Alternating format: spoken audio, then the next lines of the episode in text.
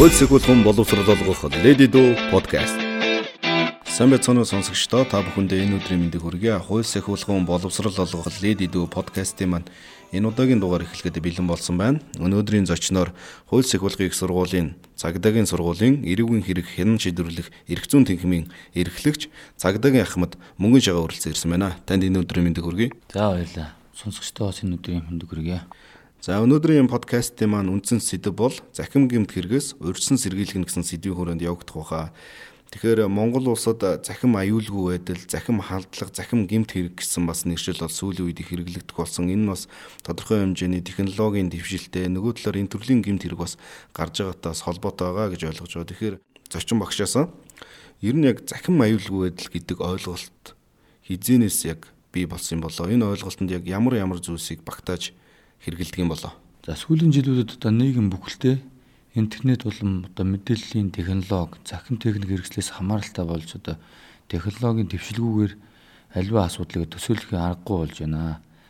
Нийгмийн одоо олон талт харилцаа болох банк санхүү, бизнес, эдийн засаг, шинжлэх ухаан, боловсролын салбар, технологийн дэвшилтэд одоо үндэслэж маш олон юм давуу байдал боломжийг олгосоор байна. Тэгээд захин буюу одоо кибер гэмтэргийн нэгдсэн тодорхойлолт одоо өнөөдрийг хүртэл хугацаанд одоо ийм тодорхой өдөөс олон улсын хэмжээнд тодорхойгүй байна.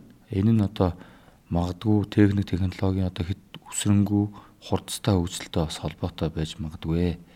За манай улсын тухайд ерөнхийдөө одоо компьютер мэдээлэл интернетийн сүлжээ ашиглан захин орчинд одоо үйлдсэн бүх төрлийн гэмт үйлдлийг ойлгосоор одоо ирсэн байгаа. Захин гэмт хэрэг нь бол үндэстэн дамсан ийм зохион байгуулалтын гэмт хэрэг бөгөөд одоо сүүлийн жилүүдэд одоо гэмт хэрэгтнүүд түүнийг ихэнх хэмжээний ашиг орлого олдог хууль бус одоо бизнес болгон өргөжүүлж байгаамаа. Тэгэхээр Монгол улсад яг 2017 оны 7 сарын 1-ээс одоо нөгөө шинжилэн батлагдаад хэрэгжиж гисэн эрүүгийн тухай хуулийн 26 дугаар бүлэг дээр бол захим аюулгүй байдлын эсрэг гэмт хэрэг гэсэн одоо зүйл орж ирсэн шүү дээ. Тэгэхээр өөрөөр хэлбэл захим аюулгүй байдлын эсрэг үйлдэгдэж байгаа тэрхүү бүхэл үйл ажиллагаа нь өөрөө захин гэмт хэрэг гэж ойлгож болох уу? Ерөнхийдөө явцсан утгаар. За кибер буюу захин гэмт хэрэг нь манай улсын хувьд одоо шин төрлийн гэмт хэрэг гэж тооцогддог. Захим гэснээр томьёог одоо 2015 оны Монгол улсын эрүүгийн хуульд хуульч өгсөн. За манай улсын хэмжээнд бол одоо захин мэдээлэлд хууль бусаар халдах, захин мэдээллийн сүлжээнд хууль бусаар халдах програм, техник хэрэгсэл бэлтгэх, борлуулах хор хөнөөлт програм хангамж бүтээх ашиглах тараах гэсэн ийм одоо объектив шинжүүдийг хэрэг уулийн тусгай ангид одоо хуульчилж өгсөн. А олон улсын хэмжээнд бол ямар хэмжээнд авч үзээд байна гэхээр одоо энэ захим сүлжээг ашиглан хөв хүний нууцд халдах, бусдыг мөрдөж мөшгөх, хүүхэд садар самууныг сурчлах, уруу татах, хүүхэд оролцуулж садар самууныг сурчлах, зохиогч ирэх болон түүнд хамаарах эрхийг зөрчиг цэргийн нэлээд олон төрлийн салбарлуулж одоо ойлгож байгаа. Нилийн өргөн өрөөнд авч үздэг гэсэн үг шүү дээ тий. Тэгэхээр яг захим гэмт хэрэг гэдгийг яг тодорхойлохгүй ч гэсэн нөгөө илрэх хэлбэр за түнд одоо нөгөө хүлээлгэх хариуцлага зэргээр дамжуулаад бол энэ ойлголтыг бол ерөнхийдөө ингээд даваад яваад байна гэж ойлгож байгаа юм. Тэгэхээр яг олон улсад захим гэмт хэрэгтэй хэрхэн яаж тэмцдэг юм болоо. Энд бас гэмт хэрэг гэсэн энэ одоо төрөл зүйлд яг ямар ямар зүйлүүдийг оруулж үздэг юм болоо. За олон улсын хэмжээнд бол одоо захин гэмт хэргийг төрлөөр нь ангилсан байгаа. Жишээ нь одоо хакинг буюу захин төхөөрөмж мэдээллийн сүлжээнд хууль бусаар халдах, фишинг буюу одоо интернет лөөр, хуурч мэхлэг хэлбэрээр одоо бусдын хувийн болон одоо эдийн засгийн захин карт мэдээллийг олж авах. За интернет extortion буюу одоо интернетийн сүрдүүлэг эдгээр нь одоо маш олон дотроо маш олон төрөлтэй одоо үйлдвэр аж ахуй нэгж компани мэдээллийн санг сангийн одоо мэдээллийн сүлжээгээр нь одоо барьцааж шантажлж тодорхой хэмжээний одоо сүрдүүлэг хийж мөнгө хөрөнгө юм уу тодорхой эзүүл шаардах хин нэгэнд одоо давуу байдал бий болгохыг шаардах хин нэгнээр одоо хууль бус үйлдэл хийлгүүлэхийг одоо шаардах ч гэдэг юм уу. Маш олон хэлбэрээр. За мөн одоо identity дефт буюу адилтгалын мэдээлэл хууль бусаар цуглуулах гэсэн энэ мэдээ мэдээллийг хүний хувийн нууцтай, эдийн засгийн нууцтай, хувийн мэдээлэлтэй холбоотой мэдээллүүдийг цуглуулж одоо энэ хүмүүс яад юм бэ гэхээр тийм мэдээллийн бааз сан бүрдүүлж тэрийг одоо бизнесийн хэлбэрээр ашигладаг болсон юм. Одоо сайбер гэмт хэрэгтнүүд гэсэн үг. Яаж ашиглаж ийм вэхээр одоо энэ deep website гэдэг. Одоо манайхаар бол одоо dark website гэж ярьж байна, бас гүний website гэж ярьж байна. Энэ дээр одоо үндсэндээ энэ нь бол энгийн ойлголтоор бол одоо black market буюу гэмт хэрэгтнүүдийн одоо хар захал гэсэн үг. Энэ хар зах дээр бол одоо юу өссөн одоо бүх төрлийн үйлчлэгээ байх жишээ. Энэ дээр одоо энэ олон хууль бусаар олж авсан хүүний мэдээлэлтэй холбоотой мэдээллүүдийг зардаг. Жишээ нь иргэний үнэлэх, гадаад пассворд, өөр одоо аж ахуй нэгж байгууллагуудын хувийн мэдээлэл ч гэдэг. Судалгаанаас харахад 18 онд одоо ингээд дэлхийн хэмжээнд дэлхийн одоо нөлөө бүхий арилжааны банкуд болон бизнесийн байгууллагуудаас одоо жишээ нь одоо Under Armour гэл том үйлдвэр одоо спорт барааны брендийн үйлдвэр чинь 150 сая хэрэглэгчийн мэдээллийг алдсан. За одоо Яхо гэл одоо бас том компани байна. Бүхэл бүтэн 3 одоо тэрбум шахуу мэдээллийнхаа хэрэглэгчдийнхаа мэдээллийг алдсан. Тэс мэдээллийн аюулгүй байдлыг хангаж чадахгүй байна гэсэн. Тэгээ энэ мэдээллийн аюулгүй байдал алдагдсан мэдээлүүд дандаа энэ хар зах зээл рүү одоо кибергийн тэрэгтнүүдийн гарт орж байна гэсэн. Аа. За тэгэхээр Монгол улсад ч гэсэн ер нь яг захим гимт хэрэг гэдэг нэршил бол бас хэрэглэгдэж байна. Мөн дээрээс нь захим гимт хэрэг одоо ингээд зохих шатны байгууллагууд нь бүртгэгддэг гэж ойлгож байна. Тэгэхээр яг энэ төрлийн гимт хэрэг Монгол улсад сүүлийн жилүүдэд хэдийн хэмжээгээр бүртгэгдсэн болоо. Ийм судалгаа тоо мэдээлэл байдгүй. Аюулгүй байдлыг хангах ажиллагааны хүрээнд Монгол Улсын засгийн газрын 2010 оны 6 дугаар сарын 2-ны өдрийн 141-р тогтоолоор ийм дөрвөн багц асуудлаар мэдээллийн аюулгүй байдлын үндэсний хөтөлбөр батлагдсан.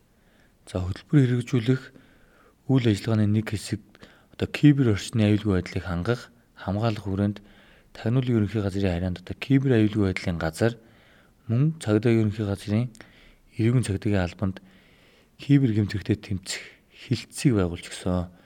За эдгээр одоо албажуулсан байгууллагууд нь захин мэдээллийн аюулгүй байдлын эсрэг гэмтэргүүлээд талсан зогсоог өрсөн сэргийлэг чиглэлээр улсын хэмжээнд үйл ажиллагаа явуулж байгаа.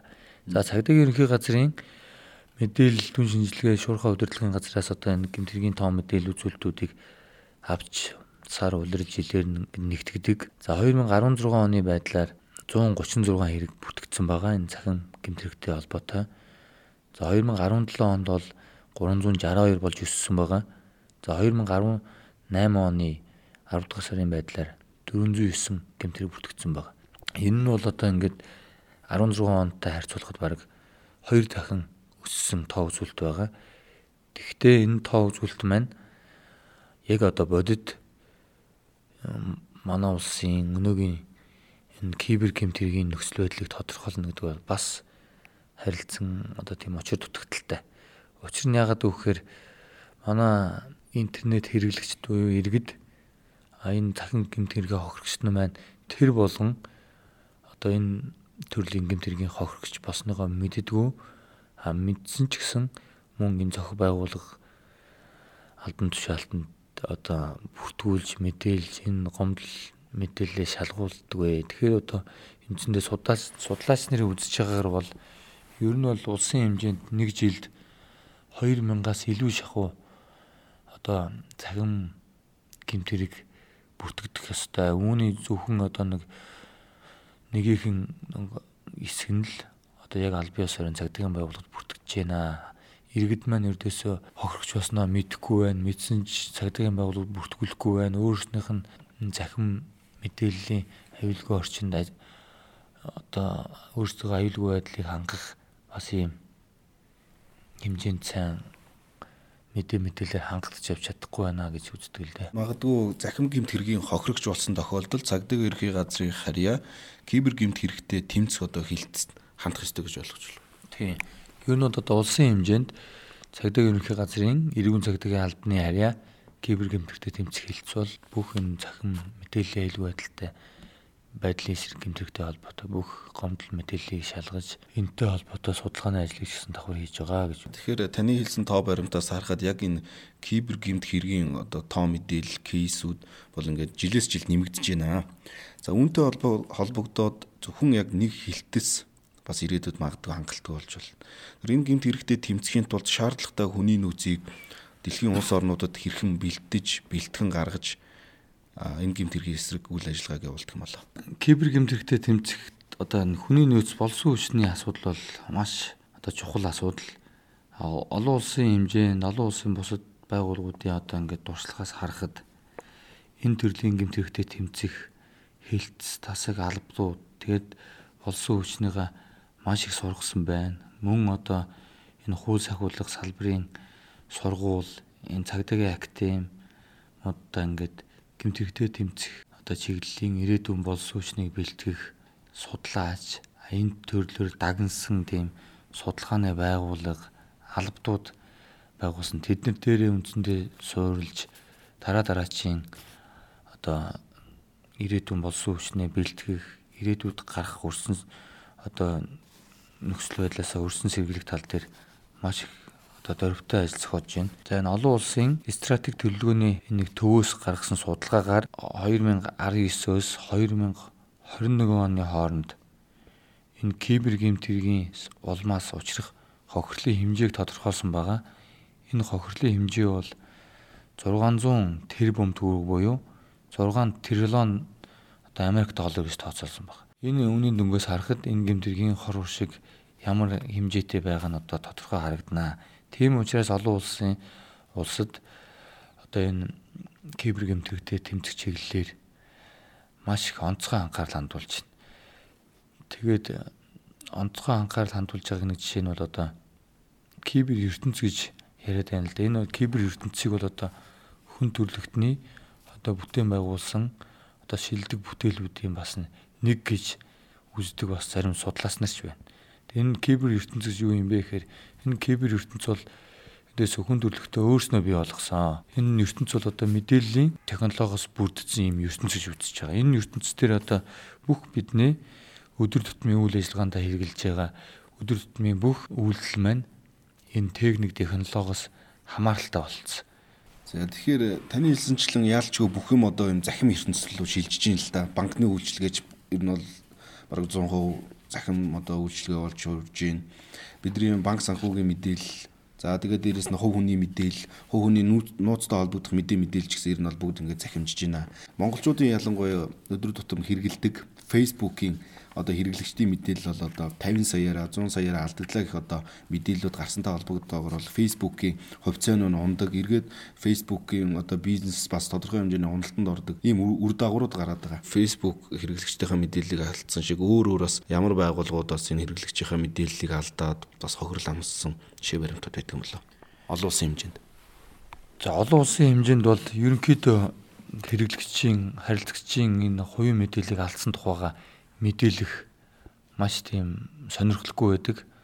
Учир нь ихэр энэ нөгөө нэг энэ мэдээллийн аюулгүй байдалд нь халдаад энэ хувь хүний харилцагчийн мэдээллийг авж байгаа хакерууд буюу одоо захин гэмт хэрэгтнүүд маань эргээд энэ байгууллагуудыг маш их шантажлдаг, их хэмжээний одоо мөнгөний нэгтдэг.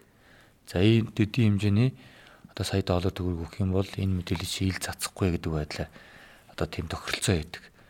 Тэгэд янз бүрийн судалгаанаас ингээд харж яхад маш олон байгууллагууд маш олон жилийн давтамжтай өөрсдийн одоо компани үйл ажиллагааны нэр хүндээ хамгаалах үүднээс тухайн хакеруудтай гэмт нэгтнүүдтэй тохиролцож тухайн хүссэн үнийн дүнгийн одоо ингээд өгсөөр байгаад ирсэн тохиолдлууд маш их байдаг. Тэгээ сүүлдээ нөгөө хакеруудын бас нэгтэг үнийн дүн нэмэгддэг, тавьж байгаа шаардлага нь бас их биелэгдэх боломжгүй боллоо. Тэр нөхцөл бүр эцсийн тохиолдол яг гаргууд эдний хуулийн нэлтийн байгууллагад хандаж тэр мэдээлүүд нийл цацагддаг л да. Тэгэхээр 18 оны байдлаар бол одоо ингээд харилцагч хувийн мэдээллийн алдсан компаниудыг одоо ингээд судалгаа гарсан байгаа. Тэндээс ингээд харахад eBay гэдэг тийм онлайн харилцааны одоо тийм сайт байдаг. Энэ сайт ихтэл бас 145 150 сая орчим хэрэглэгч байгаа мэдээллийг алдсан. Энэ ялангуяа энэ онлайн цахим сайт, энэ онлайн худалдаа авалтын сайтууд бол маш их осолтой. Ягаад тэгэхээр одоо Amazon компани гэдэг бас энэ eBay-тэй өрсөлдөгч компани байдаг. Эдний Amazon бол их мэдээллийн аюулгүй байдал нэг сайн байгаад идэг. EBay болохоор ингээд хэрэглэгчийн мэдээллийг алдаад идэг. Ингээд яаж алдаад байна гэхээр алдж байгаа хэлбэр нь бол одоо төсөөл онлайн худалдаа авалт хийгээд тэр өдөөсөө картныхаа нууц дугаар, пассворд бүх мэдээлэлээ хийж байгаа хэлбэр. Энийг ашиглаж эргээд энэ хүмүүсийн үлдэгдэлтэй байгаа картыг зарах, борлуулах энэс болж одоо маш их хэмжээний хохирол үүсдэгэ. Хувь хүний Facebook руу ороод тэр хүний Facebook-ээр магадгүй цахим хуудасаар дамжуулаад олон нийтэд худал ташаа мэдээлэл өгөх, төөрөгдүүлэх За мөн дээрэс нь тухайн одоо Facebook-ийг хэрэглэгчийн нэр хүнд талтах нөрөө захин гэмт хэрэг мөн үү? Олон улсын хэмжээнд бол энэ бол захин гэмт хэрэг гэж тооцогдож явж байгаа л да. Яг манай улсын хэмжээнд бол одоо ингээд эрх зүйн захим гэмт хэрэгтэй тэмцэх эрх зүй орчин бас тодорхой зохицуулагдаагүй учраас бас энийг өөр зүйл одоо аль тохирох зүйл заалт хэсгэрч гэдэг юм одоо ингээд одоо хариуцлагын асуудал яригадаад тухайн хэрэг маргааныг шийдэгдээд ингээд явсаар л байна.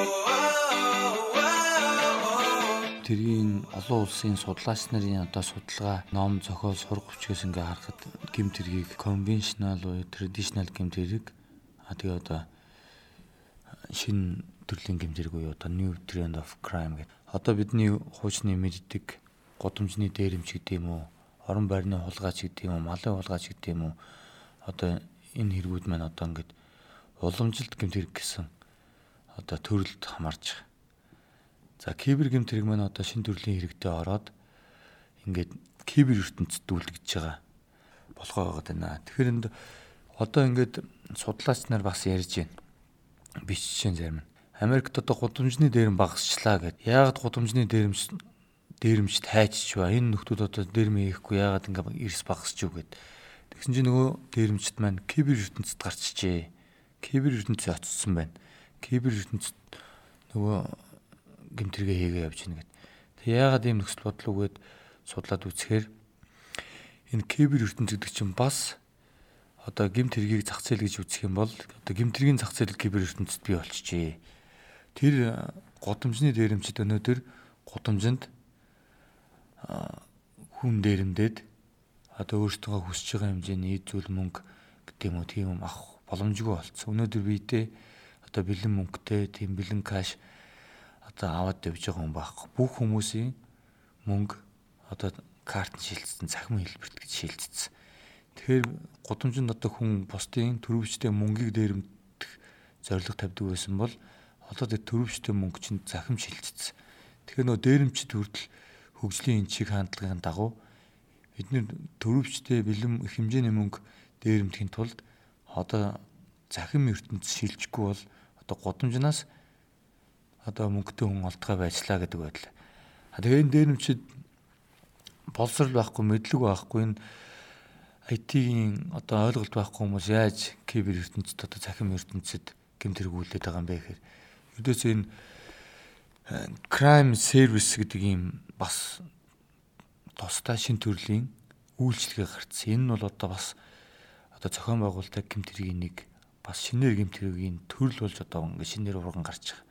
Тэгэхээр энэ crime service гэдэг үйлчлэг нь ямар өвтэй юм бэ гэхээр одоо энэ black market дээр бүх мэдлэг боловсрал байхгүй IT техник технологийн одоо ойлголт байхгүй хүмүүст шаардлагатай бүх техник технологийн одоо бэлдээ тавьсан програмууд нь үндсэндээ бэлдээ тавьсан зар зарахын зараад а зарим нь одоо түрээсэлж байгаа тодорхой хугацаагаар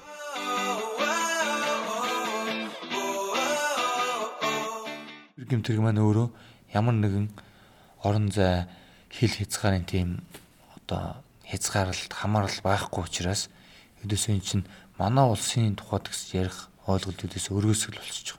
Өдөөсөө энэ кибер орчин чинь интернет холбогдож ямар нэгэн компьютер мэдээлэл технологийн хэрэгсэл ашиглаад интернетийн сүлжээнд холбогдож байгаа бол энэ дэлхий чи өдөөсөө л нэг одоо орон зай ертөнцид л байж. Тэгэхээр энэ улс үндэстэн өөрөө энтэй тэмцэх нэгдсэн нэг эрх зүүн одоо зохицуул бодлого гаргаж тэр бодлогот нь бас манай улс эвсэн нэгдэж хамтарч ингэж ажиллахгүй бол өнөөдөр Америкийн нэгдсэн улсын нэг орон нутгаас эсвэл одоо Герман алчаанаас ч гэдэг юм уу Европын холбооноос ч гэдэг юм уу Африк орноос ч гэдэг юм уу захын одоо бүс нутгаас манай улс руу халдлах хийхэд бид нэр ямар нэг үйл ажиллагаа хийж чадахгүй хамтын ажиллагаагүйгээр тэгэхээр өдөөс энэ дээр бол хамтын ажиллагаа болсон хүчнийг сургах боловсруулах эргээ болсон хүчнийг бэлтгэхийн тулд бид нэр өнөөдөр энэ сургалтын байгууллагууд дээр кибер гэмтрэхтэй тэмцэх чиглэлийн багш нарыгаа эхний ээлжинд бэлтгэх хэрэгтэй. Энэ багш нар байна дараачийн одоо чиглэлсэн энэ төрлөлтөд тэмцэх ирээдүйн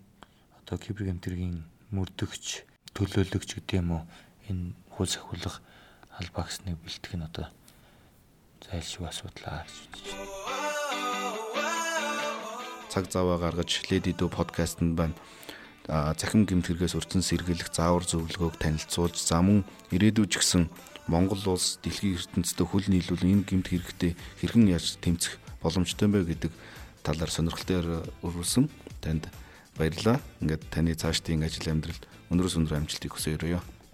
За баярлалаа. Та бүхний ажил бас амжилт хүсье.